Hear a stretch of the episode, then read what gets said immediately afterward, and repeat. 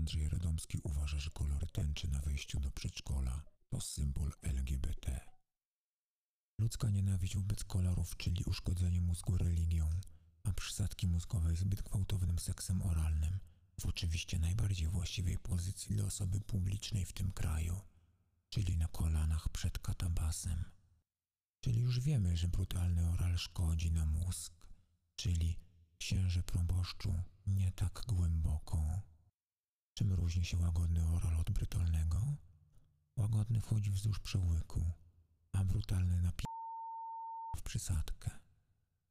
A to nie pomaga na sprawność mózgu, co dowodzą badania na grupie polityków.